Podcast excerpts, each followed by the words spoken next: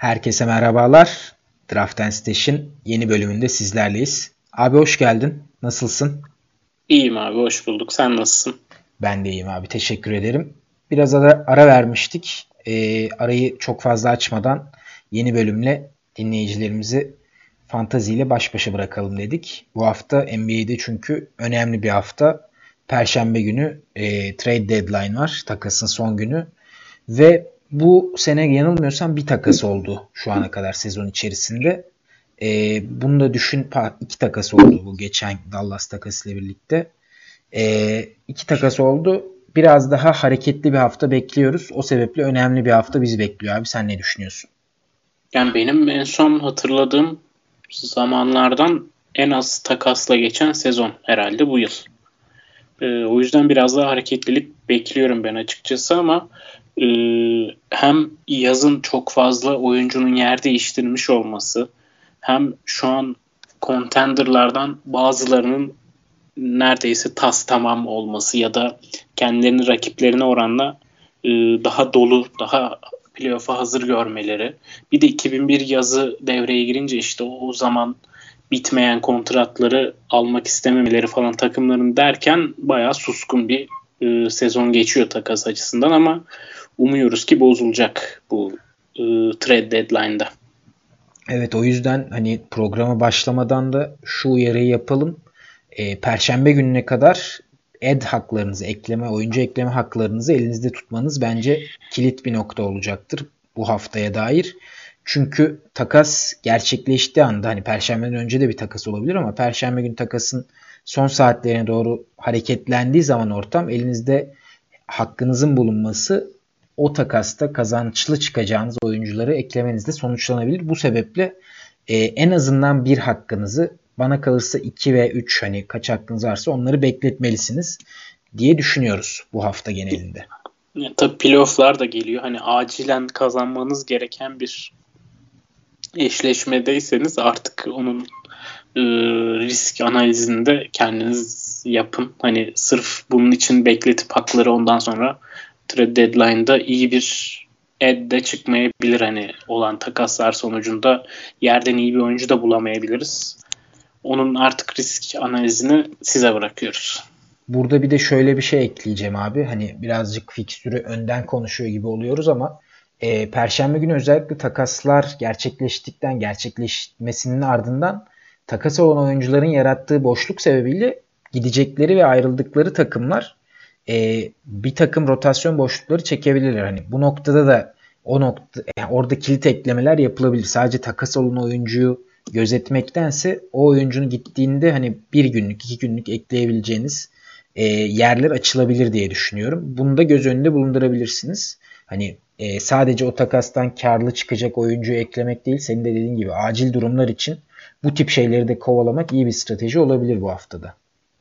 Bir de şey ya e, sanırım en mantıklısı böyle perşembeye kadar o 4 günde 3 maç yapacak falan bir takımdan e, oyuncu eklemek herhalde totale bakınca en mantıklısı hem streaming açısından orada maç sayınızı arttırmak işte hem ad hakkınızı e, azaltmamış olmak falan filan derken hani en orta yolcu böyle en maksimum katkıyı alabileceğiniz e, strateji bu olur herhalde. Valla bunun için zaten galiba iki takım var ben yanlış bakmadıysam. San Antonio ve Orlando. Hani bu iki takım ilk dört günde üçer maç yapıyor. O sebeple ekleyip bu e, ilk streaming e, noktanızı böyle kullanabilirsiniz diye düşünüyorum. E, buradan bu haftaki konularımıza geçelim abi. Bu hafta aslında deadline'da bir takım oyuncuların ismi gündemde. Bir takım bazı oyun, takımların e, ismi gündemde. Bu takımlardaki fantazi e, beklentilerimiz nasıl değişecek olası takaslara göre bunları konuşacağız. E, istersen vakit kaybetmeden New York Knicks ile başlayalım. New York Knicks bu sene e, sezona sallantıda girse de sezonun yarısında koçu değiştirdikten sonra en azından fantezi açısından belli katkıları veren oyunculardan e, kurulu bir takıma döndü. Burada takas gündeminde en çok isim geçen oyuncu tabii ki Marcus Morris. Marcus Morris bu sene gayet iyi bir sezon geçiriyor. İlk 100 içerisinde yanlış hatırlamıyorsam. 80-85 civarında olması lazım. 20 sayı, 5.5 rebound ve 2.5 üçlük katkıları var. Aslında e, çok zor bulunan şeyler değil ama e, bunları düzenli olarak ve yüksek seviyede, elit seviyeye yakın seviyede yaptığını düşünürsek Marcus Morris bu sene birçok e, menajer için, birçok takım GM'i için bence çok iyi bir draft seçimi oldu veya çok iyi bir free agent eklemesi oldu. E, Marcus Morris'in gideceği takımda istatistiklerinin düşmesi çok olası. Sen Marcus Morris özelinde nasıl bir istatistik performansı bekliyorsun ve New York'ta onun boşluğu nasıl dolabilir? Bu konuya dair yorumların nasıl abi? Valla bunu şu an sadece biz de düşünüyor olabiliriz. Çünkü New York'un Marcus Morris'i tutmaya istekli olduğuna dair e, çok fazla haber çıktı. Yani NBA'de de bazen haberlerin yapan gazeteciden tutun da işte hangi takıma aslında alttaki metnin yaradığına kadar pek çok alengirli işler döndüğü için medyada da bilemiyorsun yani. Hani bu haberleri Knicks Marcus Morris'in değerini arttırmak için mi çıkartıyor? Hani biz onu tutmaya meyilliyiz e, takas etmek zorunda değiliz. Eğer almak istiyorsanız e, iyi bir bedel ödeyin şeklinde bir hikaye mi yaratmak isteniyor bu haberlerden? Yoksa gerçekten New York tam bir New York Knicks hareketi yapıp elinde e, pike dönüştürebileceği bir aset varken kullanmayacağı ona hiçbir katkısı olmayan şu an oyuncuyu saçma bir şekilde yazın overpaylemek mi istiyor? Hani e, çok kestiremiyorum açıkçası ama yine de bir noktada e, New York'un da eğer böyle düşünüyorsam mantıklı hareket etmeye karar verip iyi bir teklife takaslayacaktır diye düşünüyorum Marcus Morris'i. Bir kere Morris'in git takımda sen de söyledin istatistikleri çok düşecektir. Ee, üçlük sayısı olsun, e, maç başına attığı sayı olsun, reboundu üçer beşer e, aşağılara gelecektir diye düşünüyoruz herhalde. Ortak fikrimiz bu. Ama New York'ta eğer bu Morris'ten açılan dakikaları kim alır, kime yarar diye soruyorsan e, R.J. Barrett'la Kevin Knox geliyor benim aklıma. R.J. Barrett'tan bir miktar daha ümitliyim. E, o da sakatlıktan dönüyor. E, dönecek daha doğrusu sanırım. Bir haftası daha var. Hani tam bu trade deadline'dan sonra Morris'te takaslanırsa R.J. Barrett muhtemelen yere atılmıştır sakatlığından sonra. Alıp e, upside için denenebilir diye düşünüyorum. E, Knox ve Barrett hakkında senin düşüncelerin neler abi? Abi aslında senin Barrett hakkında söylediklerini ben de şöyle bir ek yapacaktım. Bunu önümüzdeki hafta konuşmayı düşünüyorduk ama e, sezonun ikinci yarısında daha iyi performans göstermesini beklediğimiz için Barrett fena bir opsiyon olmayabilir. Şu an e, sezon ilk yarısında çok iyi bir sezon geçirmedi açıkçası. E, ama ikinci yarısında özellikle Morris de giderse biraz daha New York ona e, Fizdale dönemindeki dakikaları vermeye başlarsa hani biraz da 36-38 gibi o zaman Barrett'ın daha fazla Morris'e benzer şekilde istatistik yapabileceğini düşünüyorum ama yüzdeleri birazcık problemli olacaktır. E, Knox konusunda çok emin olamıyorum ben çünkü hala olmamış bir şeyler var gibi Kevin Knox'ta. Hani bir türlü böyle NBA'de kalıcı olup olamayacağı bile büyük tartışma konusu olacak bir oyuncuya dönüşüyor bana kalırsa. Ee, ben Knox'a karşı çok umutlu değilim. Hani onu eklemektense daha iyi opsiyonlar olacaktır diye düşünüyorum. Morris konusunda da hem fikiriz seninle. E, Morris'in istatistiklerinin düşeceğini düşünüyorum. Sana şöyle bir soru soracağım abi. Sence Marcus Morris e, 12'li takım 12 takımlı liglerde e, free agent piyasasına atılır mı? Waiver'a atılır mı? Eğer takas olursa. Gideceği takıma da çok bağlı da. Tabii ki. Yani bizim hmm. beklediğimiz ortalama bir düşüş gösterirse sana göre Morris yerine daha iyi bir opsiyon bulunabilir mi diye düşünüyorum. Ya muhtemelen takımınızın son oyuncusu üçlük atsın, sayı atsın, biraz da rebound alsın diye tuttuğunuz bir oyuncuya dönüşecektir. Yani çok değerli kalacağını zannetmiyorum deadline'dan sonra gittiği takıma bağlı olarak. Tabii yani bunları bu arada farazi konuştuğumuzda unutmamakla birlikte hani Marcus Morris kesin takas olur gibi bir durum yok. Çünkü bir de bahsettiğimiz camia New York. Yani New York Knicks'e güvenip bir iş yapmayın diye düşünüyoruz. Ee, buradan New York'a ekleyeceğim şey var mı abi? Sen peki başka takas ihtimali görüyor musun New York'ta? Başka bir Aynen ona gelecektim. Abi yani bu adamları sonuçta eğer biz e, bu takımla playoff yarışı içine giremezsek takaslarız diye aldılar. Kontratları ona göre ayarladılar. Bu sezonun sonunda bitecek ya da takım opsiyonuna bırakacak şekilde ayarladılar. Bunların içinde Alfred Payton var, Wayne Ellington var, Bobby Reggie Portis Bullock belki. var. Bobby Portis, Taj Gibson. Ee, yani buralardan da eksilme olması lazım mantıklı bir takımın. Ee, artık ikinci tur mu olur? Morris için birinci tur, kalanlar için ikinci tur gibi bir seçenek mesela e, beklenebilir. Bunu yapması lazım. Böyle bir noktada da e, gençlerin önü ciddi miktarda açılacaktır. Hem Nilikina'nın e, hem R.J. Barrett'ın e, belki Alonso Trier'ın Kevin Knox'ın Mitchell Robinson'ın Julius Randle'ın ama dediğim gibi New York hiç bunlarla sanki yani daha doğrusu ne yapacaklarını bilmiyorlarmış. Hangi yöne gideceklerini bilmiyorlarmış gibi bir hava var. Ben hatta şeyi bile düşündüm ya buradan muhtemelen oraya geçeriz de. Acaba New York 2021'deki işte o free agentları falan ikna etmek için e, birazcık maç kazanmayı falan kafaya koyduysa Drummond'a falan gidebilir mi? Abi konuşuluyordu geçen e, bir iki hafta ya da üç hafta önce bir haber de çıktı. Ve e, bunu Uluç söylemişti galiba. Drummond'ın New York'un şu anki e, yöneticisi Scott Perry'nin e, seçimi olduğunu hatırlıyorum. Detroit'te o seçmiş Drummond'ı. O sebeple bir bağ olabilir. Hani oradan o sebeple daha çok istekli olabilir belki New York yönetimi ve New York e, organizasyonu. Bence bu bir fikir olabilir onlar için ama doğru bir fikir mi? Mitchell Robinson'ın olduğu bir ortamda pek doğru bir fikir değil bana kalırsa. Yani Mitchell Robinson şu an çaylak kontratında ve e, Drummond'ın alacağı maksimum kontratı veya maksimuma yakın kontratı vermeye değecek bir fark olduğunu düşünmüyorum ben açıkçası. Ee, yani evet. birkaç sene içinde özellikle. Bir iki sene içinde yani.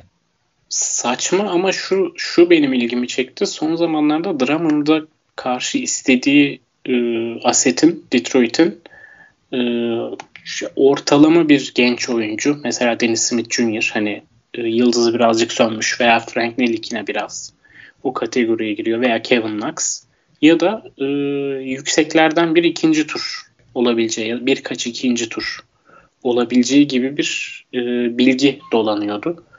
New York için belki hani girmeye değer bir risk olabilir mi ama dediğin gibi Mitchell Robinson'ın önüne de böyle bir oyuncuyu getirmek tam New York hareketi. Abi aslında hani buradan Detroit'e de geçelim bu konuyla birlikte. Söylediğin nokta kağıt üzerinde çok birbiriyle örtüşen noktalar. Hani puzzle gibi tamamlıyor aslında ama bana kalırsa yani mantık çerçevesi içerisinde böyle bir takası New York'un yapmaması gerektiğini düşünüyorum ama New York söz konusuysa da olabilir diye açık kapı bırakmak gerekiyor. E, Drummond'dan bahsetmişken de Drummond'ın sezon sonunda e, bir oyuncu opsiyonu var ve bunu kullanıp kullanmayacağım meçhul çünkü Detroit'in ona önereceği kontratın ne derece iyi veya kötü olacağı bilinmiyor veya Detroit gönderdiği zaman gittiği takımda nasıl bir kontrat alacağı belli değil.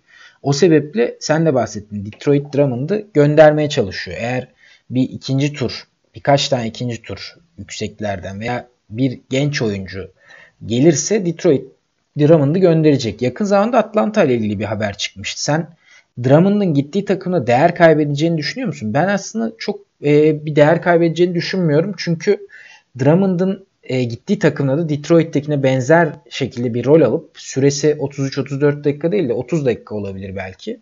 Ama zaten çok fazla top kullanan bir oyuncu değil. Yani 12-13 şut civarında şut kullanıyor. Yani 6-7 tanesini atıyor genelde. Ve 15-16 sayı, 15 rebound civarında kalmasını bekliyorum. Bu da yaklaşık hani e, bu sezonki performansla 3 aşağı 5 yukarı aynı geliyor bana. Sen ne düşünüyorsun? Aynen ben de katılıyorum. Zaten yani usage'ı çok yüksek değil. Rebound'u da mıknatıs gibi çekiyor. 15-15 yapar yani 17-16 yapmıyorsa 15-15 yapar. Peki e, burada geçtiğimiz hafta bir haber daha çıktı. Luke Kennard'ın da takas görüşmelerine açık olabileceğine dair. E, Drum, şey Detroit'in Kennard, Galloway ve Drummond'la birlikte hani e, Rose'u da takas görüşmelerine dahil edebileceği konuşuluyor. Burada Detroit'te kalan oyunculardan geçtiğimiz hafta konuşmuştuk ama kimler dikkat çekebilir, kimler görülebilir? Ya Detroit geçen çıkan haberi gördün mü? Baya komikti. 10 tane scout gelmiş maça. Hı hı. Ee, daha 2-3 haftadır oynattıkları Sekou Dumbaya'yı dinlendirmeye karar vermişlerdi o maç. Abi yani sebep birazcık yorgun olduğunu ve hani bir kendine gelmesi gerektiğini söylemişti Ben Casey ama ya haklılık payı var da yani benim bayağı komiğime gitmişti. Yani 10 tane scout gelince maça bütün veteranları atıp şey gibi gösteri ya gösteri değil de işte kendilerini kanıtlasınlar, göstersinler, beğendirsinler. Ya tam olarak hmm. işte showcase dediğimiz türde. Aynen. Detroit'in ee, mantığı çok açık aslında yani ne yapmaya çalıştıkları. Ben kenarda çok şaşırdım yani kenardın en azından kenardan gelip bir katkı yapmasını bekliyordum ama e, Abi. işin esprisi bir yana kenardın görüşmelere katılması galiba Mikhail Kun yükselen performansıyla doğru orantılı. Ya hem bu yani kenardan çünkü bundan bir yıl sonra kontratı uzatılacak. Belki Mikhailuk'a daha şey e, ucuz bir kontrat sonuçta ve benzer bir katkı gözüyle bakıyor olabilir. Bir de Drummond'dan alacakları asetin e, çok düşük olacağını fark ettiklerinden beri kimse hani birinci tur bile vermemiş şu ana kadar. İçin, işin içine kenarda da ekleyip gelecek asetin seviyesini yükseltme gibi bir e, yola girişmişler sanırım bu takas görüşmelerinde. Hani hiç değilse adam gibi bir aset gelsin de rebuilding'imize e, burada istemediğimiz, geleceğini çok parlak görmediğimiz oyuncular gitsin gibi bir tavır içindeler sanırım. Yani durum bu olunca bence en azından bu hafta için yani bu haftanın sonuna kadar da Christian Wood'un e, bir şekilde kadrolarda bulunması gerektiğini düşünüyoruz galiba değil mi? Yani bizim de çok fazla Christian Wood hissemiz var sanırım. Benim almadığım ligde sen almışsın. Senin almadığın evet, ligde ben almışım. Yani fazlasıyla yatırımlarımızı yapmış durumdayız Christian Wood'a. Ee, yüzümüz kare çıkmaz umarım diye düşünüyorum ama hani yani Detroit'in burada... durumunu da düşününce birazcık elimizde patlayabilir de. Detroit'in ama ben takassız geçmesini çok zor görüyorum ya. Bir iki takas yapacaklardır. En az bir takas. Belki yani, iki takas. Galloway şeyde piyasada e, markette Rose konuşuluyor. Çok da hani iyi bir kontratı var gideceği takım içinde. Rose'u ee, da tutabilirlermiş gibi bir hava edindim ben. Sanki loteride bir first round istiyorlarmış. Verilmez. Hmm. Yani verilmez. Evet. Lakers da veremiyor galiba. Hem kontrat sebebiyle hem de e, bu step-in kuru, e, kuralı sebebiyle zaten gönderdiler New Orleans'a piklerin neredeyse hepsini. Hı hı. E, o sebeple hani bir contender'a gitmesi de çok olası mı? Yani olabilir. Uygun bir üçüncü takım falan bulunursa özellikle denk gelebilir ama burada Christian Wood, Sekou Dumbaya ve e, Bruce Brown özelinde galiba düşünüyoruz bu Detroit'teki kalan oyuncuların değerini. Yani üçünden birinin önü fena açılacak da. Yani Hangisi? aslında şeyde konuşsak e, bunu bir hafta sonra konuşsak trade deadline'dan sonra konuşsak galiba Seku Dumbaya'yı konuşabilirdik. Yani şeyde sezon kalanında değerini çok daha fazla arttıracağını düşündüğümüz için. Yani evet. Evet. Ama yani en, en favori o gözüküyor. Şu anda e, bence Bruce Brown'la Christian Wood'un şeyleri, upside'ları daha yüksek. Seku Dumbaya'yı birazcık gördük gibi şu ana kadar. Evet Seku Dumbaya değişik bir oyuncu. Yani çok e, yaşına göre çok hırçın bir skorer kimliği var Dumbaya'nın. Potaya atak yapması, şutlarını hiç tereddüt etmeden kaldırması ilginç bir oyuncu. E, ama Bruce Brown ve Christian Wood senin de dediğin gibi çok daha fazla şey vaat ediyor açıkçası. Bir de ikisi de daha tecrübeliler. Hem yaş olarak 5-6 yaş e, büyükler Dumbaya'dan falan. Hazırlar yani ikisi de aslında verecek rollere bakalım. Yani şöyle e, çok emin konuşamamızın sebeplerinden biri de şu abi. Ben geçtiğimiz yıllara göre de e, bize yansıyan bu dedikodu kısmı yani habercilerden gelen, takım muhabirlerinden gelen dedikoduların çok azaldığını görüyorum bu yıl ya. Hem takımlar bu yıl sakatlık konusunda çok içe kapalı olmalarıyla eleştiriliyor. Ama bence bu noktada da birazcık e, gerileme var. Abi bu konuda sana katılıyorum. Bir de şu var. Detroit özelinde e, geçtiğimiz sene değil önceki sene Black Griffin o zaman gelmiş değil mi? İki sene önce deadline zamanı. Hı hı. Orada da mesela yani nereden olduğu bilinmeyecek şekilde düştü takas haberi. Hiç önünde konuşulan bir şey yoktu. O sebeple açıkçası çok raporlara inanmak, inan, inanmak demeyeyim de raporlara çok fazla bağlanmamak gerekiyor bana kalırsa. Yani Drummond takasının şeyleri geldi ama şu an ben şeye inanmıyorum. Drummond'a ikinci tur vermekten çekinen bir takım olabileceğini düşünmüyorum açıkçası şu an. Yani ikinci tur kaybedip Drummond'ı almak ve 2 e, ay 3 ay contender olmasan da bir şekilde playoff'a kendini atmaya çalışmak, playoff zorlamak çok kötü bir fikir mi? Bence değil yani. ikinci turun değeri özellikle burada zayıf bir draft olacağı söyleniyor. Onları düşününce yani acaba raporlarda bir eksiklik veya yanlışlık mı var diye düşünüyorum. Hani piyasasını iyice öldürmemek için Drummond'ın böyle bir konumu gündeme geliyor. Emin olamıyorum açıkçası. Ya da abi biraz espriyle de karışık olarak böyle zamanlarda ben hep şeyi hatırlıyorum. Transfer dönemlerinin sonları olarak nitelendirelim. Ee, Ünal Aysal'ın son gün iyice fiyatların düşmesini bekledik diye gidip Pandev'le Cemaili'yi falan alması, son günü beklemesi ya da geçen gün Trabzonspor Başkanı'nın e, pazara da küçükken hep saat 5'ten sonra giderdim. 3 kilo şeftali alırdım 1 kilo şeftali parasına. Yani bu mantıkla mı acaba ilerliyor işler gerçekten? Hani son ana kadar taraflar birbirini sıkıştırma hani o leverage'ı elde etme üstünden mi yürüyor NBA'de işler Abi, ki son güne kalıyor yani. Yani mutlaka bir e, teklif savaşı ya da ne bileyim bir elindeki kozu güçlü tutma savaşı olduğu kesin. Bu zaten ticaretin olduğu yerde, takasın olduğu yerde hep geçerli olacak bir şey ama bakalım bu haftanın sonunda biraz daha net şekilde konuşabiliriz. Hakikaten böyle yürüyormuş veya aslında piyasa ölüymüş şeklinde bir yorum yapabiliriz diye düşünüyorum. Bu arada Shams Karanya'nın son yazısında da Atletik'te şeyden bahsetti. Bu takas görüşmelerinin e, Kobe'nin e, ölümünden sonra birazcık ligde hani kimin ne yapacağını bilememe havasından dolayı telefonların 2-3 gün GM'ler arasında sustuğundan hani bahsetti. Aslında Bu da etkili. Evet, ben de onu düşünmüştüm. Yani şöyle düşünmüştüm. Geçen şeyin Kobe'nin anma töreni vardı Portland maçından önce. Orada şeyi gösterdi doğal olarak. Kobe'nin de çok yakın arkadaşıydı. Rob Pelinka'yı. Hani hem menajeri hem de çok yakın arkadaşıydı.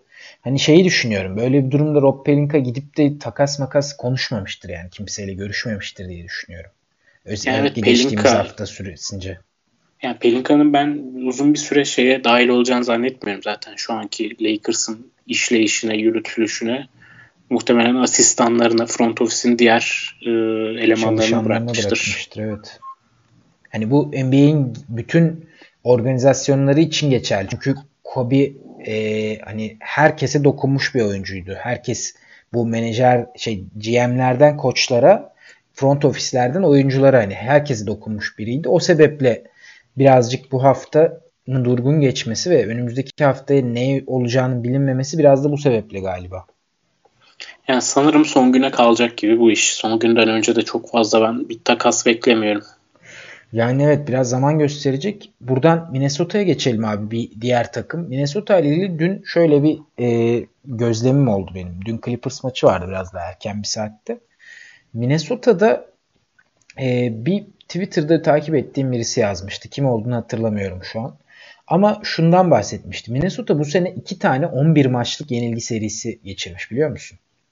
Yani e, bu durumda böyle bir durumda ben Towns ve Wiggins de mi acaba diye düşünüyorum sorun. Onun sebebini şöyle düşünüyorum. Aynı yazar ya da aynı e, taraftar artık hatırlamıyorum şeyini. Şunu demişti. Lillard'ın Lakers'a karşı oynadığı oyun ve son 10 günde 20 günde oynadığı oyun baktığın zaman etrafındaki oyuncular e, CJ McCollum, Carmelo, Hasan Whiteside tabii ki var ama Lillard'ın tek başına çıkıp uzun süreler e, bu resmen hani Inferno modunu açtığı oyunda yanında Gary Trent Jr., e, Nasir Little, Caleb Swanigan gibi oyuncular da vardı. Yani aslında destekleyen ekip Lillard'ı çok daha zayıftı Minnesota'nın kadrosundan. Yani Towns ve Wiggins gibi oyuncuların All-Star seviyesine çıkabileceği söyleniyor. Süperstar sayılan hatta Towns'un bu takıma bir şekilde e, taşıyamaması, bir takım bir şekilde galibiyeti uzandıramaması acaba Minnesota bu takım patlatmanın eşiğinde mi? Ya da bu takım patlatıp patlatmamanın e, şeyini mi yapıyor? Hani terazisini teraziye koymuşlar ne yapsak diye mi düşünüyorlar dedirtti bana. Bu sebeple Abi. hani bir büyük bir takas görebilir miyiz? Özellikle Wiggins özelinde veya Towns özelinde. Veya bu sene bu dönem yapacakları bir Covington takası gibi takaslar, küçük çaplı takaslar biraz daha onların şeyini açabilir mi? Ne düşünüyorsun? Yani bunun fanteziye yansımaları nasıl olur aslında? Sebebim sorun buydu. Towns takaslamazlar. Wiggins'i de takaslayamazlar şeklinde.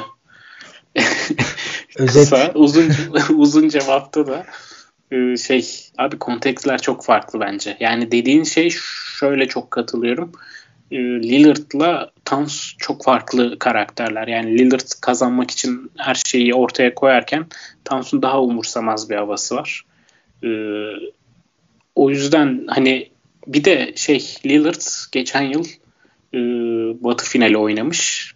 Kendi takımı yani artık bütün aidiyetiyle bağlı olduğu bir franchise'ı playoff'a taşımaya çalışıyor.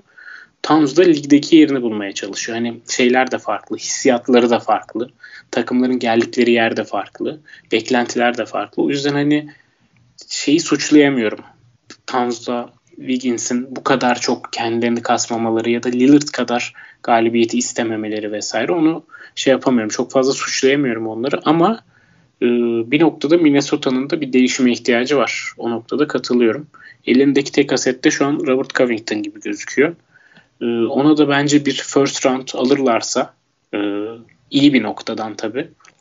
E, yani takaslayabilirler diye düşünüyorum. Yani first round artı bir gelecek vadeden oyuncu gibi düşünebiliriz Covington'ın değerini ama şöyle sanırım bugün senin bana attığın yazıda Atletik'teki yazıda şey diyordu. Wiggins'e önümüzdeki 2 yıl 60 milyon dolar e, vereceklerini düşününce Wiggins artık Covington'a önümüzdeki 2 sene 80 milyon dolar verecek olmaları daha iç rahatlatıcı gözüküyor diyordu e, yazar. Evet çok haklı yani Covington'ın kontratı da çok iyi. Aslında Wiggins'e Tansun yanına çok uyan da bir isim. E, ama contenderlar için de çok değerli bir isim. Zaten takasın gözlerinden biri şu an Covington ama Minnesota'nın takaslamaya şeyi yok e, Covington'a. Nasıl diyelim? Mecali İhtiyacı mi? ya da yok. İhtiyacı yok yani. Hani öyle bir şey içinde değiller. Aciliyet içinde değiller. Tutabilirler seneye gelecek yılki takım için. Peki buradan fantazi açısından değerlendirmelere geçersek şimdi Teague'in gidişiyle birlikte orada bir, numarada bir açıklık vardı ve Minnesota'nın bir numara almak istediği de çok belli bariz. Hani takas gelmediği halde Shabazz Napier büyük ihtimalle rolünü biraz daha sağlamlaştırarak devam edecektir. Asist kaynağı olarak takımlarınıza ekleyebilirsiniz diye düşünüyoruz. Aynen. Burada en fikiriz herhalde. Peki Covington'ın gittiği durumda Covington'ın değeri ve Covington'ın boşluğu nasıl dolar? Bunu sana sorayım abi. Abi sanırım Covington'ın görevleri birazcık Jared Culver'ın e, üstüne özellikle savunmada kalır. E, o noktada zaten iyi stil ve blok rakamları var. Onlar yukarıya çıkmaya devam edecektir trend olarak. Birazcık Calver'ın sorumlulukları artar. Onun dışında da işte Napier'den sen bahsettin assist specialist olarak. Covington aynı kalır ya. Çünkü Covington alan takım zaten onu aynen Minnesota'da ve geçtiğimiz yıllarda Philadelphia'da oynadığı göreve cuk diye oturtmak için alıyor. Çok belli bir prototip Robert Covington atıyorum Dallas'a gitse ne bileyim Clippers'ın adı geçiyor hiç ben saçma bulsam da ya da Philadelphia'nın adı geçiyor ben hiç ihtiyaçları olmadığını düşünsem de ama hangi takıma giderse gitsin aynı kalır. Yani Covington'ın değeri konusunda ben de hem fikrim senin abi. Buradan bir diğer takıma geçelim. Oklahoma City ve burada biraz daha oyuncu özelinde gidelim istiyorum. E, Galinari'nin adı gündemde çünkü kontratı bitiyor bu senenin sonunda. Oklahoma playoff'un içinde olsa da Galinari'ye karşılık alınabilecek bir birinci tur draft hakkı veya ikinci turun yukarılarından bir draft hakkı veya gelecek vadeden bir oyuncu Oklahoma'nın daha çok işine gelebilir gibi görünüyor. Özellikle de playoff yarışında hani Galinari'siz de en azından kendilerini playoff'a atabilecekleri bir ortam varken şu an Batı'da. Çünkü e, 30 galibiyetleri var 50 maçın sonunda. Memphis en yakın rakipleri Memphis'in 23 ya da 24 galibiyeti vardı. Hani arada da bir 7-8 maçlık bir fark var. Galinari'siz bu farkı kapattırmazlar diye düşünürsek de aslında onlar için win-win durumu olabilir. Sen ne düşünüyorsun? Galinari'nin gitmesi halinde Oklahoma'da nasıl bir rol değişimi, nasıl bir fantezi açısından etkiler olur? Yani Galinari takası birazcık geçen yılki Tobias Seris takasına benziyor. Biz de benzetip duruyoruz. Ama e, şey burada şöyle bir nokta var. Playoff ne kadar yapmak istiyor Oklahoma ya da playoff'a girip başarılı olmak çok umurlarında mı? Şu an için bana sanki değilmiş gibi duruyor ve bir first round gelirse Danilo, Danilo Gallinari'ye e, verebilecek noktalılarmış gibi görünüyor.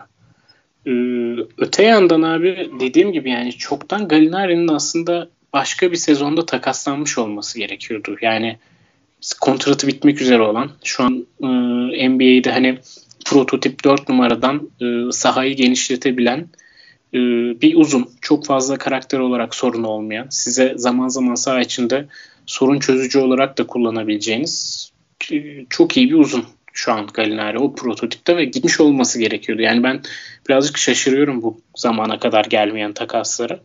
En çok şaşırdığım da Galinari'nin hala takımında kalmış olması. O açıdan bilmiyorum yani hani ıı, dediğim gibi haberler de çok az düştüğü için senin aklına gelen böyle Galinari'nin şu takımı gitse çok yararı olur, olacaktır dediğin bir takım bir teklif var mı? Abi aslında e, teklif boyutunda yok ama hani takım boyutunda hep Portland konuşulmuştu. İkimiz de hani biraz daha Kevin Love'dansa Gallinari hem daha ucuz bir kontrat sahip olması sebebiyle uyabilir diye düşünüyorduk ama Portland o takasını birazcık o takas defterini Ariza ile geçiştirmiş durumda görünüyor. Belki Dallas olabilir. E, Dallas'ta özellikle Powell'ın sakatlığı sonrası hani Porzingis'in 5, Gallinari'nin 4 oynadığı bir 5 olabilir mi diye düşünüyorum ama o da Porzingis'in sanki yani bulunmasının iyi olmayacağı bir rol. Ee, onun dışında açıkçası ben çok bir opsiyon göremiyorum. Çok bir fırsat göremiyorum.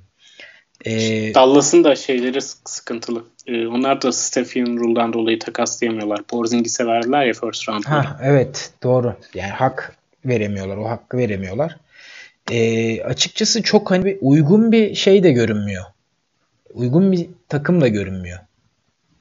O yüzden ben açıkçası Gallinari'nin biraz daha kalma ihtimali daha yüksek gibi şu an deadline öncesinde. Bir de zaten ayrılsa da yerine böyle sadece şey var elimizde sanırım. Ee, Bazley, Darius Bazley. Sen biraz daha yükseksin ona. Ya evet Bazley'e biraz daha yükseğim ama son zamanlarda şey oynuyor. E, Le Guent Dort muydu? İsmini hatırlamıyorum da yani şeyi soyadı Dort. Dort oynuyor. Yani Oklahoma'da yıllardır devam eden trend bu sene de devam ediyor. Ana oyuncular dışındakilerin hiçbiri fantezi açısından bir katkı verebilecek noktada değiller ya. O sebeple Gallinari gittiğinde de ben Schroeder, Chris Paul, e, Alexander ve e, Nerlens Noel Adams çekirdeği dışında rol olarak artış sağlasa da fantezi açısından değerli bir noktaya gelecek oyuncu göremiyorum açıkçası. O zaman Galinari'den biraz dışarı çıkıp Adams ve Chris Paul veya Dennis Schroeder bunlardan biri gidebilir mi? Ben hiç sanmıyorum abi. Özellikle Chris Paul'un bu sene orada kalması çok daha büyük ihtimal. Hatta kontratının sonuna kadar kalır mı onu bilmiyorum ama şu an çok ciddi bir şans var bana kalırsa. Özellikle Oklahoma'nın e, tamamen tank modunu açmadığını düşünürsek Chris Paul kalacaktır diye düşünüyorum. Adams ve e, Schroeder, Schroeder de kalacaktır. Çünkü orada 3 gardın oynadığı da ilginç bir oyun oynuyor Oklahoma çoğu zaman. E, ben Adams'ın da kontratını alacak bir takımı göremiyorum açıkçası. Yani eşleyebilecek bir takım göremiyorum Adams'ın kontratını. O sebeple Adams'ı da göndermek zordur diye tahmin ediyorum. Yani belki Atlanta ama ama evet yani, yani ama yani fena bir fikir değil ama onlar da büyük ihtimalle bir yol ayrımında şeydi.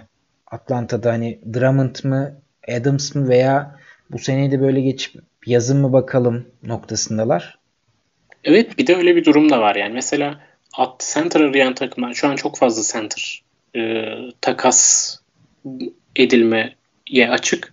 Ama center arayan takımlar da mesela biri Charlotte, diğeri Atlanta diyorlar ki biz yazın alırız yani cap'imiz var.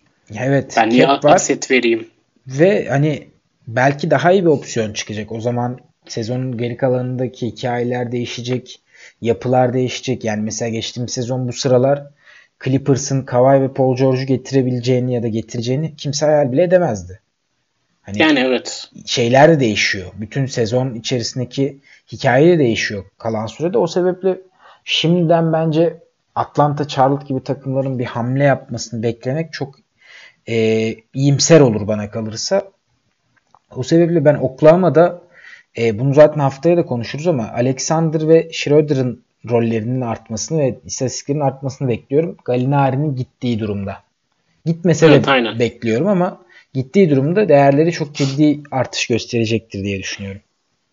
Ya ben de katılıyorum. Yani gitmediği durumda ben sabit kalabileceğini düşünüyorum. Zaten iyi oynuyor ikisi de. Ee, gittiği durumda yük birazcık daha onların üstüne binecektir. Galinari peki ee, giderse Galinari'nin istatistikleri nasıl olur abi? Ben azalacağını düşünüyorum. İlk 50'nin dışında kalacağını düşünüyorum Galinari'nin artık. Ee, şu an yanılmıyorsam 45-50 civarında olması lazım. Bunun en önemli sebebi %91 ile 5 serbest atış kullanması ve maç başı 3 üçlük atması aslında.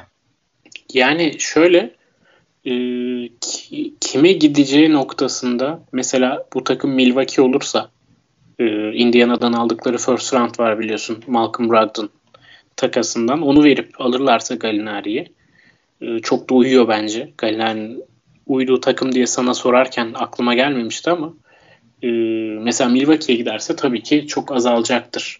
Ama böyle konuştuk ya olur da Portland'a giderse ya da olur da hani böyle 7. 8. sıralarda ya da playoff kovalayan ama hamle yapmak Dur, isteyen bir takıma giderse. Oklahoma City.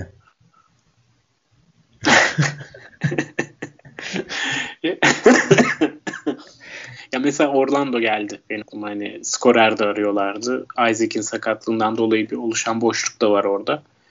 Verirler mi birinci tur zannetmiyorum ama ya da Phoenix mesela. Ee, Kevin Love'da bahsedecektim ama Galiner de çok uyuyor onlara şu an. Ya ben de bir sonraki takımda Phoenix olsun istersen. Buradan bağlayalım. Phoenix'e geçelim diyecektim.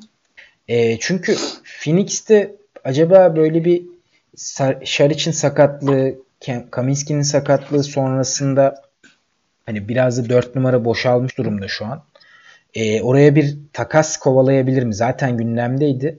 Buradan Phoenix Kevin Love'a geçelim istersen. Phoenix'te hani o 4 numaraya gelecek oyuncu bence eğer bir takas olursa daha doğrusu e, bence kesinlikle fantezi açısından e, hedeflenebilecek bir oyuncu ol, olacaktır. Orada çünkü Aiton'un yanında bu boşluğu doldurması açısından Galinari olsun, Love olsun bulundukları konumları koruma ihtimalleri var bana kalırsa. Abi Galinari ve Love bu ikisi özelinde konuşalım istersen. Şeyi çok hatırlatmıyorum ya bu takaslar. İşte Blake Griffin takasını. E, Phoenix ve Detroit. iki tane playoff kovalayan, 8.liğe değer veren salak camia. Ağzımızı toplarsak. iki tane böyle e, kötü GM başlarında. iki tane kötü başkan işte playoff yapalım. E, 8. olsa başarı gelsin artık. Abi. Lotarya takımı olmaktan bıktık diyen başkanlar. Zaten en Phoenix azından, özelinde hikaye hep böyle yazın başından beri. Phoenix'in elinde en azından e, Devin Booker ve DeAndre Ayton var. Detroit'te o bile yok. Yani o yüzden Knicks'inki biraz daha gerçekçi de. olabilir gibi geliyor. Çünkü bu oyuncuların inanabilirsin. Bir şeyler vaat ettiğine inanabilirsin. Ya evet aslında ben şuna da karşı çıkmıyorum. Elinde eğer iki tane en azından e, centerpiece diyebileceğin oyuncu varsa bunların yanına kontratı yüksek olan veteranları ekleyip e, böyle bir takım oluşturup genç oyuncularına playoff tecrübesi yaşatmak bana çok kötü bir hamleymiş gibi gelmiyor. O yüzden Drummond hamlesinde destekliyordum Atlanta'nın eğer olsaydı. Yani bence kariyerinin bu döneminde artık Booker'ın da Aiton'un da gelecek sezon özellikle bir playoff tecrübesine ihtiyacı var. Booker'ın zamanı geldi de geçiyor zaten.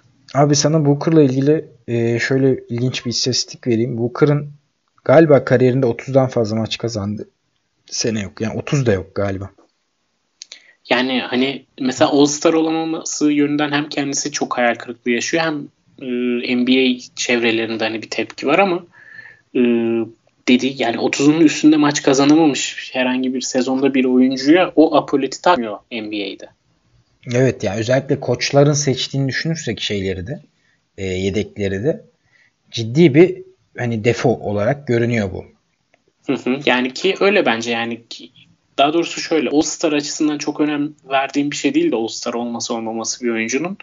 Bir oyuncunun kazanmayı öğrenmesi gerçekten zaman alan bir şey. Ee, o açıdan ben Phoenix'i tam şu an bu hamleyi yapma noktasında görüyorum. Ya da onlar da mı yazı kovalıyor bilmiyorum. Mesela Galinari'yi yazın alabilir Phoenix. Yani Phoenix'in geçen yaz yaptığı hamleleri de düşünürsek aslında çok yaza bırakmasalar iyi olur. Çünkü yazın herhalde sıcağın etkisiyle çölde birazcık kötü kararlar veriyorlar. İşte asetten çıkmak zorunda kalıyorlar ya o şey e, sıkıntı. Evet yani. Aset arada, vermeden keple alırım diyor. E, onun da tabii kendi dertleri var ama kontrol ettim 25'ten fazla kazanamamış abi. Bu ciddi bir problem. evet ciddi bir problem. Çözmesi gerekiyor bunun Phoenix'i. Ciddiye almaları gerekiyor bu durum yani. Ee, Fantaziye dönecek olursak e, Love ve hani Galinari'yi konuştuk zaten. Peki Love'ın gitmesi durumunda Cleveland'da Larry Nance zamanı geldi diyoruz galiba değil mi? Ee, bugün sanırım Cleveland muhabirlerinden Chris Fedon yanlış hatırlamıyorsam Chris adını. F- Fedor'du galiba. Chris Fedor. Fedor evet. evet yanlış aynen. hatırlamıyorsam.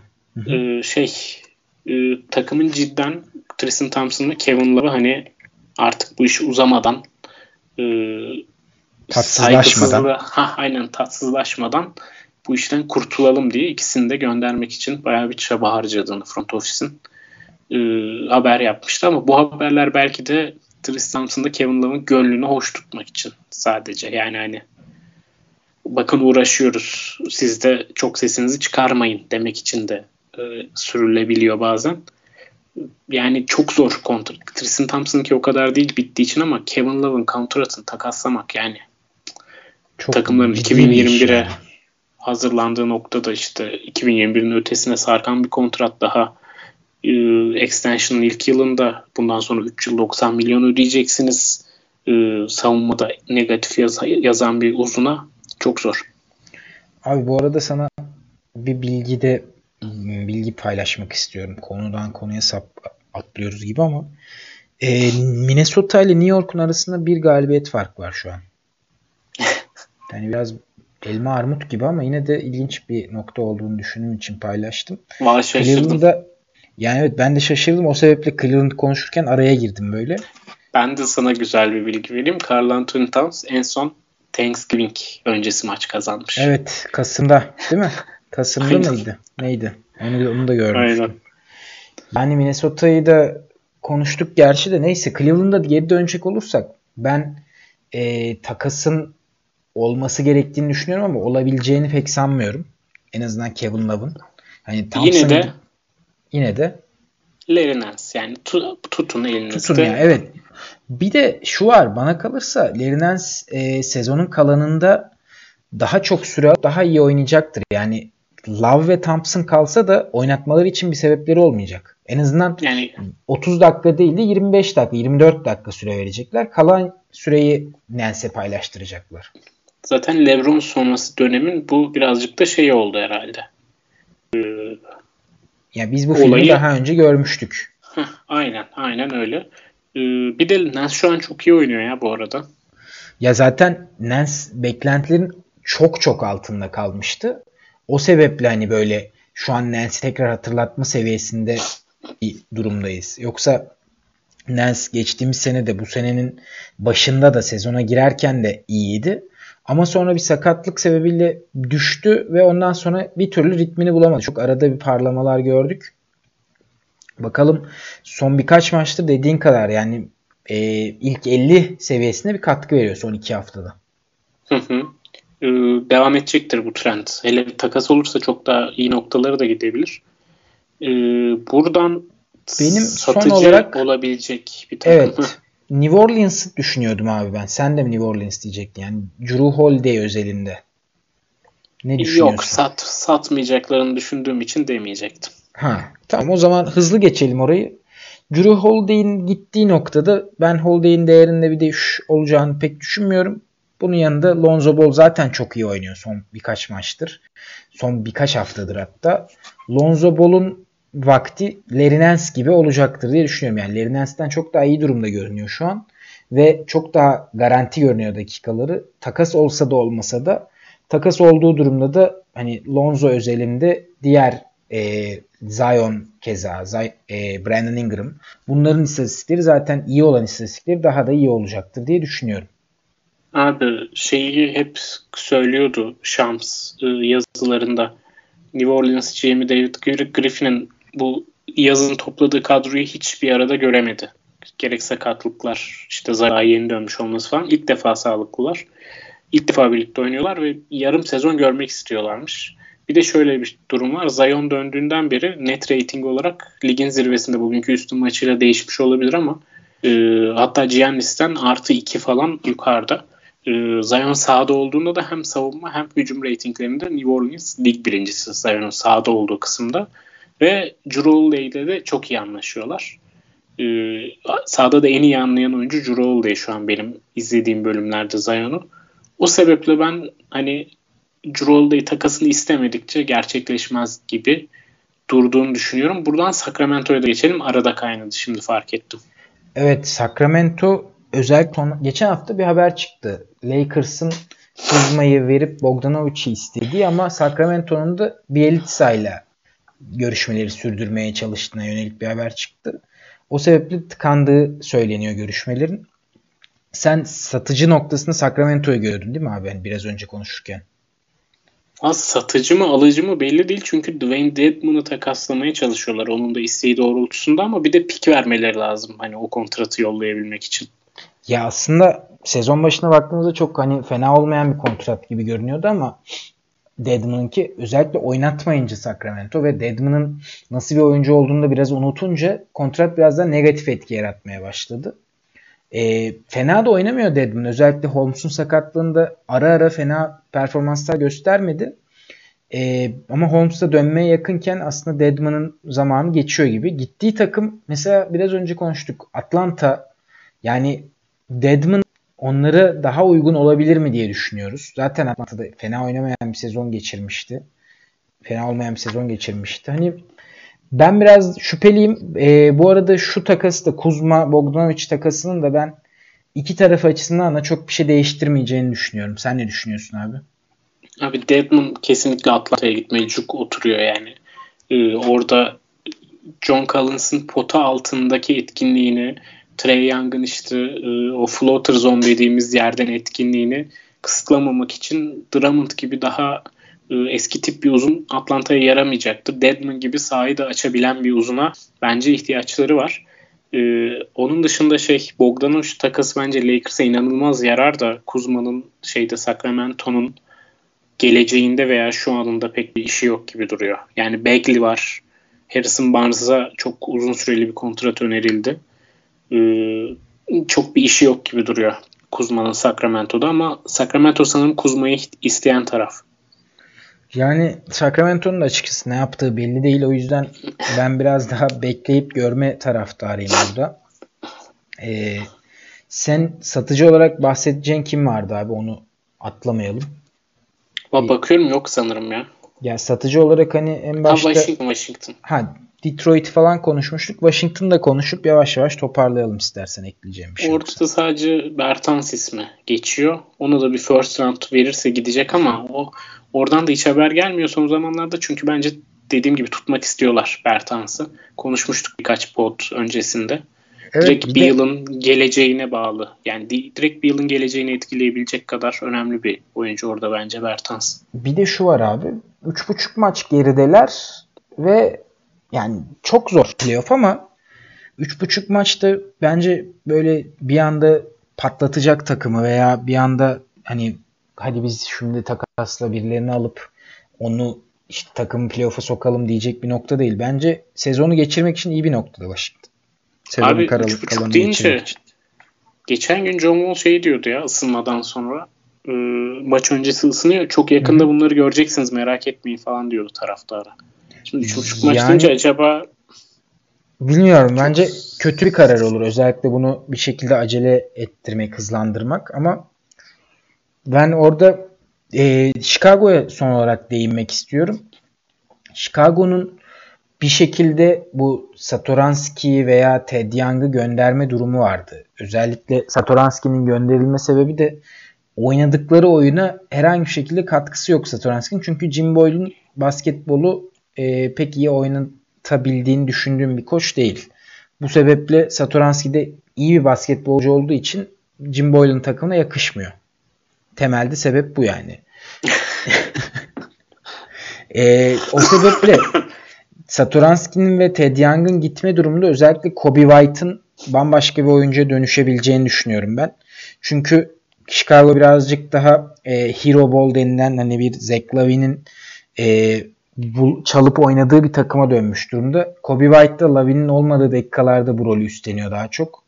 O sebeple e, bir, bir takas olduğu zaman Kobe White bence çoğu ligde de şu an waiver'dadır. Değerlendirmesi gereken bir oyuncu olarak dikkat çekiyor. Chicago'nun bu hafta iki maçı olduğunu düşünürsek hani orada biraz daha Kobe White'ı hemen alabilirsiniz. Kimsenin alacağını sanmıyorum iki maçlı haftada Kobe White'ı. Bir takas haberi geldiğinde Kobe White çok değerli bir noktaya çıkabilir diye düşünüyorum.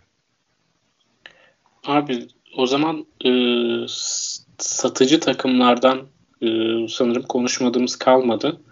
Oyuncu olarak spesifik olarak gidecek olursak konuşmadığımız oyuncular benim aklıma Igadala geliyor ama Igadala şu an hali hazırda Memphis'te zaten oynamadığı için e, açılacak bir yer yok Igadala'nın takasında. E, başka bir oyuncu geliyor mu aklına senin şu oyuncunun gitme ihtimali yüksek dediğin? Valla e, Morris'i falan konuştuk işte. Galinari, Kevin Love'a biraz değindik. Açıkçası pek biri yok gibi geldi ama bana düşünüyorum. Sen Sürpriz son olarak bir... şeyi söyleyeyim. Sürpriz bir San Antonio takası olur mu? Yok Sen... abi olmaz. Olmaz. Biz de kovalarız. Mal gibi kovalarız playoff.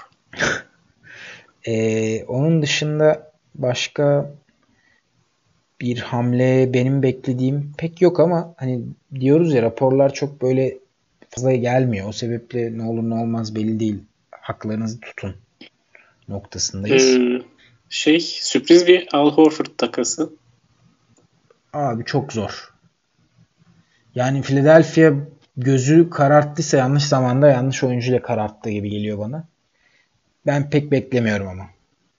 Yani şu an ben bir de e, alıcılara bakalım istiyorum. E, spesifik olarak birkaç tane benim aklımda var. Bunlardan biri Philadelphia ve çok spesifik bir ihtiyaçları var. Şut sokabilen ve e, ball handler görevlerini birazcık Ben Simmons'ın üstünden alması gereken özellikle playofflarda bir garda ihtiyaçları var. Bu tabii Chris Paul'den Jordan Clarkson'a kadar bir skala bu NBA'de. Ee, Chris Paul takası işte Al Horford oradan aklıma geldi de e, böyle bir oyuncu gelip yani katkı verebilir mi? E, çünkü şöyle ben Kennard hiçbir oyuncusu yok. Ha mesela Luke Kennard olabilir. Derrick Rose? Şut açısından sıkıntı yaşayabilir. yani %32 ile atıyor bu sene ama şey üçlü. Bence de sıkıntı yaşama ihtimali yüksek yani. Ben Simmons'ın olduğu bir takıma bir de Rose'u eklemek birazcık kötü bir hareket olur. Özellikle playofflar için. Aynen Embiid'in de bu yıl hiç sokamadığını düşünürsek zaten spacing'i spacing'i çok sorunlu bir takıma e, bir de Rose eklemeyelim derim. Öyle bir oyuncu var mı acaba aklına gelen? Hmm, işte belki Langston Galloway olabilir ama hani top yönlendiriciliğinden ziyade şütör Galloway biraz evet. daha yani o, o role daha uygun. Kenard biraz daha pick and roll yönetebilmesi sebebiyle ve ikincil top yönlendirici olması sebebiyle bence dikkat çekiliyor ama kenarda alacak bir şeyi var mı mesela? Yani Zaire Smith'i verip alır mı mesela kenarda? Yani Detroit vermez. Philadelphia. Philadelphia verse Detroit almaz yani Zaire Smith'i. Kenarda kalalım der. Hani Detroit aman Philadelphia'nın asetleri de azaldığı için elinde genç oyuncu da çok fazla kalmadığı için e, parlak sayılabilecek. Orada Philadelphia'nın yolları birazcık buyout marketten çözmek üstüne evet, hani gidiyor gibi. Bu sene öyle çok bir isimde dikkat çekmiyor ama buyout yapacak. Zaman ne gösterir bilinmiyor tabii. Milwaukee'de var mı? Abi onların da bence e, şeyleri çok belli. İki tane ihtiyaçları var. Belki Sterling Brown e, hani dikkatini çekebilir bazı takımların ama onun dışında da çok bir isim benim dikkatimi çekmiyor ya. Hani başka takımları cezbedecek ve Milwaukee'nin masaya koyacağı bir isim. DiVincenzo belki. Ya DiVincenzo bence rolünü oturttu ve şey için Milwaukee için hani e, aynı seviyede değil tabii ki ama Malcolm Brogdon'la benzer seviyede. Hani o tip bir e, takımın tamamlayıcı parçası görevinde bana kalırsa. Hem de iyi bir savunmacı. Ve evet, istediğini yapıyor. Mantıklı. Yani şut atıp savunmasını üst seviyede tutuyor. Bu sebeple DiVincenzo bence Milwaukee'nin çıkıp daha iyi bir DiVincenzo 2.0 varsa onu alabileceği bir oyuncu. O da pek... Aynen ben de onu diyecektim. Matthews'a bir upgrade gelebilir belki. Buradan işte konuştuk Gallinari olabilir diye ama e, yani bur, buraya Milwaukee yapar ya takası diye düşünüyorum ben. Eğer doğudan bir takım contender zaten iki tane var diye düşünüyoruz şu an kabaca ama ya takas orada... yapacak olan bence Milwaukee. Ben bilmiyorum. Aynı ikinciyi düşünmediğimizi düşünüyorum ama Ha, sen Philadelphia'yı düşünmüyorsun. Yani Boston ve Toronto biraz daha bana hani Philadelphia'nın önünde gibi geliyor şu an. Özellikle Philadelphia'nın sıkıntılarını çözme yönünde hiçbir şey yapmadığını düşünürsek o sebeple ikinci sıraya ben galiba Boston sonra da Toronto'yu yazıyorum. Neyse şimdi bu şovları Fantazi Podcast'inde bırakalım. Buzzer Beater'da yaparız. Yani evet ee, o güzel bir konu bu arada. Aynen. Milwaukee ee, bunu gör, düşünüp hani orada zaten ben koptum bunlardan deyip birini eklememe yoluna da gidebilir bu arada. Ama karşısının da sağlam olacağını düşünürsek Batı finalinde için özellikle. Yani tabii ki. Tabii ki ona bir şeyim yok. Hani Galinari'nin eklemesi Batı finalinde artıdan çok eksi yazabilir diye düşünüyorum. O, o da var evet. Savunmada. Ama karşıdaki forvetleri de düşününce buraya bir 3 savunmacı mesela bir Covington çok hoş duruyor açıkçası şu an. Yani ee, çok farklı senaryo üretilebilir. Fantezi açısından çok alakası olmasın bu senaryoların. Neyse işte Covington giderse rolü çok fazla değişmez diye. Evet. Evet. Ee, başka alıcılardan Los Angeles takımlarının spesifik ihtiyacı işte Lakers için bir ball handler dedik. Ya Şut oralarda fantezi açısından çok böyle zaten Davis, LeBron'la ve Paul George, Kawhi ve Lou Williams, Harrell'la ilerleyen bir sistem var fantezi açısından yapacakları herhangi bir takasın bir değeri olmayacak gibi görünüyor. Hmm, Los Angeles Clippers ne yapar? Yani evet gelen oyuncunun burada değeri düşer gibi görünüyor. O yüzden yine buradan fantezi açısından konuşacak çok bir şey yok gibi duruyor. Miami'de var mı sence gelip burada değer kazanacak? Miami'ye gelip değer kazanacak. Ya benim aklıma sen şeyi Galinari'yi sorarken gelmişti. Hani acaba Galinari'yi falan Adebayo'nun yanına koymayı düşünürler mi? Yani 5 Adebayo Onların da Galinari. Şey yok first round'u veremiyorlar. Evet işte onların da başka problemleri de var ama belki şey de toparlayabilirler ama onu da Galinari'nin 2-3 aylık kontratı için vermez diye düşünüyorum. E, asetlerini yani yok böyle Derek Jones'u ya da ne bileyim başka genç oyunculardan birini. Aa şey vardı atletik makalesinde Winslow Covington takası. Ha doğru bak. O onu ben bir de podcast'te duydum ya galiba. Bu benim de aklımda güzel demiştim ilk gördüğümde. Yani güzel derken e, Miami için çok ciddi bir sorun çözücü olabilir diye düşünüyorum. Hmm, katılıyorum abi ama bir aset daha vermeleri mantıklı olur. Sanki Winslow yeterli değil gibi geldi bana ama bilmiyorum ne düşünüyor Minnesota Winslow hakkında. Ee, son kez bir de Portland'a geçelim istiyorum. Gerçi Toronto'dan da konuşmak istiyorum. Pardon son olmasın. Portland'ın da şöyle bir e, olay içine girdiğini gördük. E, Bazemore'u gönderip aslında daha yüksek kontrat olduğu için Bazemore'un daha iyi oyuncular alabilecekken yanına aset ekleyip e, daha kötü ve daha düşük kontratlı, daha kötü değil de daha düşük kontratlı olan e, Ariza'ya gittiler. Burada da tax sınırını 12 e, milyon üstündeyken 6 milyon üstüne gelmiş oldular. Yani daha az tax ödeyecekler. Whiteside'da takaslayıp e, tamamen e, vergi ödememe yoluna giderler mi? Abi bu biraz daha senin uzman olduğun bir alan olduğu için hani bence şu anki durumu ve tak, takım bozmayacaklar gibi görünüyor. Özellikle Lillard'ın kudurması sebebiyle iki haftadır hatta Ocak ayı genelinde e, Portland biraz daha bu noktadan devam edip bence var olan düzenlerini sürdürmeye çalışacaklardır diye düşünüyorum. O sebeple bana kalacak olursa takas beklemiyorum ben Portland'dan. Yani değil mi? Whiteside'da şu durumda göndermek Lillard'a ayıp olacak artık. Biri o bir de yani Whiteside çok eleştiriliyor Whiteside ama Whiteside bence e, son bir haftadır 10 gündür falan ciddi iyi oynuyor. Savunmada da efor olarak da çok ciddi iyi oynuyor. E, hücumda zaten değerli bir oyuncuydu.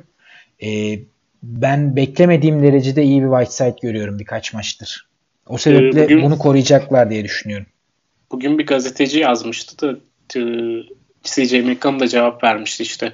Carmelo e, savunmada ekstra efor gösterip e, pası kesiyor işte Whiteside kendini yere atıyor tarzında bir tweetti. Hı hı. E, CJ McCollum da bunu alıntılayıp kültür diye cevap vermişti hani bunu.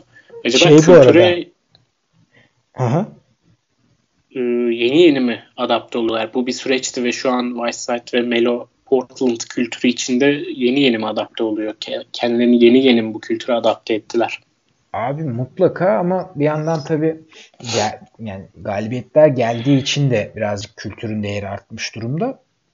Bu arada o e, gazeteci şey hani şu an Atletik'te yazıyor John Hollinger eski Memphis GM'i. Yani şey de bir fazlasıyla değerli bir NBA. Bu PER'ın falan hmm. yaratıcısı yani bu per istatistiğinin falan yaratıcısı olan adam. O yüzden de hani aslında e, böyle sıradan bir adam olmadığı noktada da iyi bir cevap aslında. Ben de şaşırdım. Beklemediğim bir çıkış CJ McCollum'dan. Hani I'm Trying Jennifer'dan sonra yeni bir şeye imza atmış olabilir. Yeni bir fenomene imza atmış olabilir.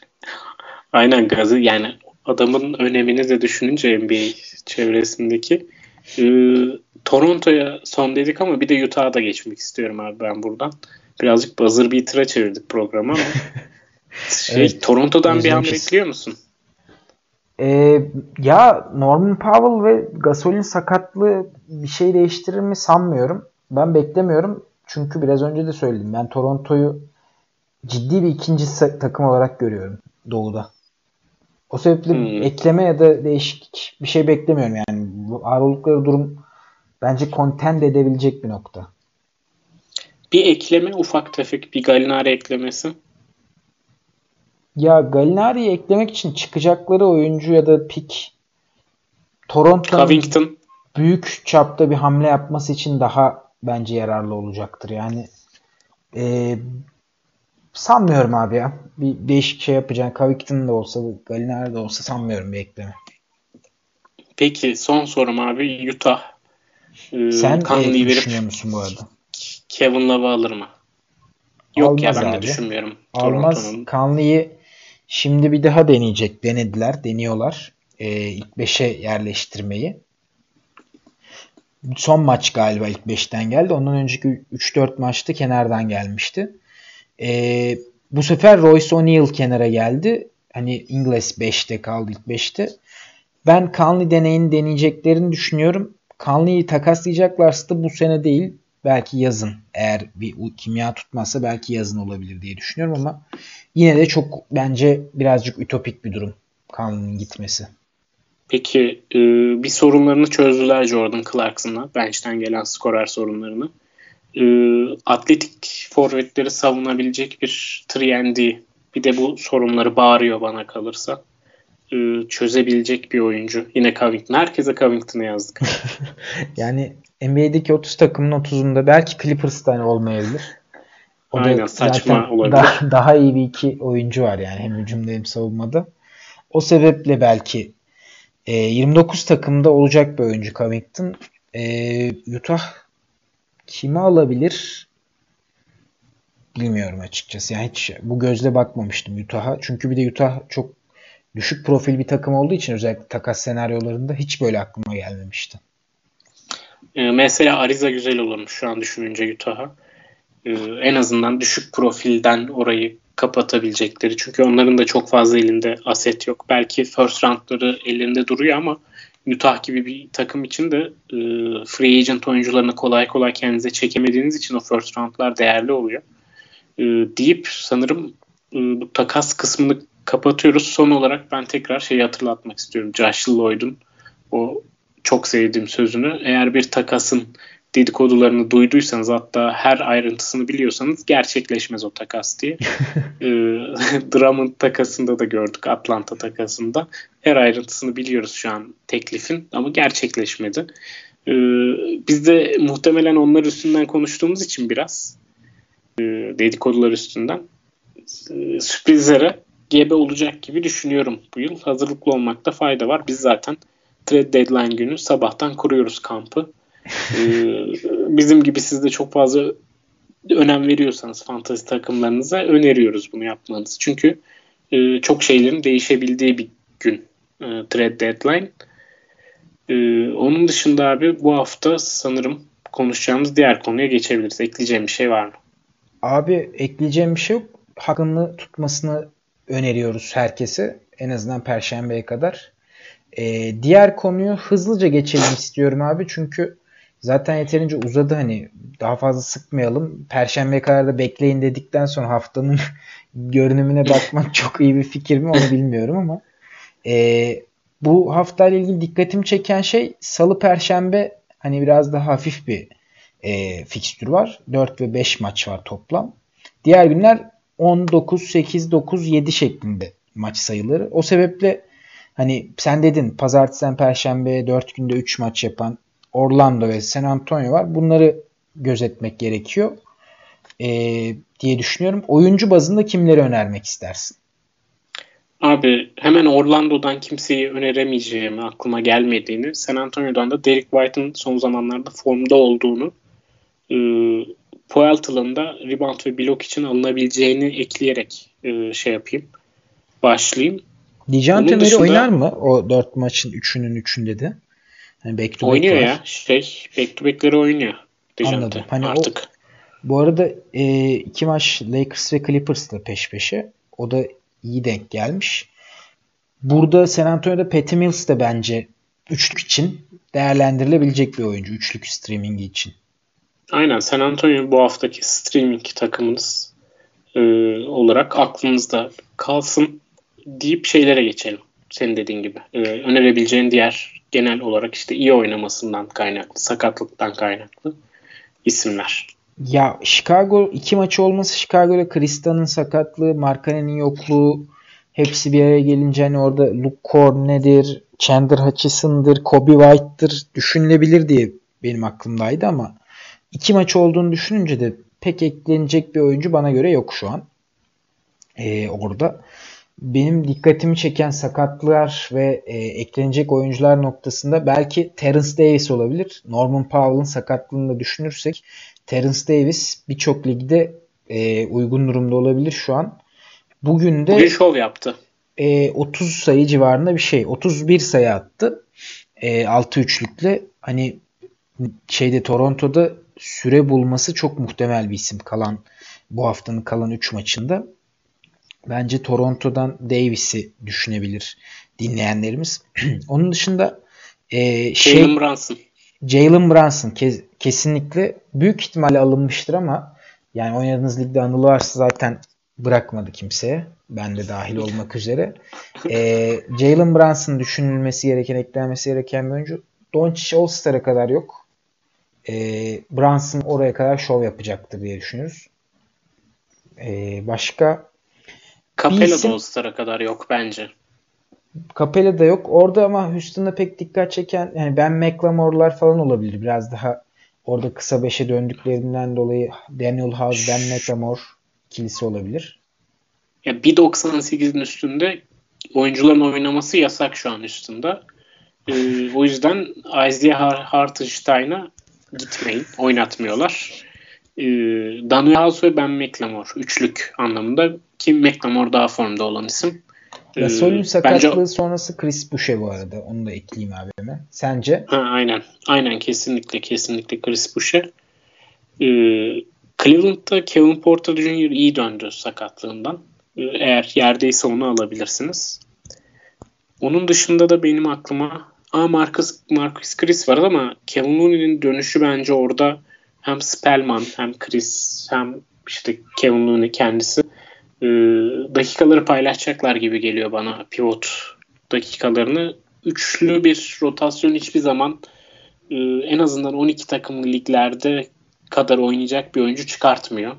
Chris şu an çok iyi ama e, Looney'nin dakikaları arttıkça düşecektir Chris'in dakikaları. Biri elenmediği sürece oradan yani Spellman elenirse fantezi açısından Chris ve Looney için iyi olur diye düşünüyorum ama Chris kısa vadede kullanılabilir.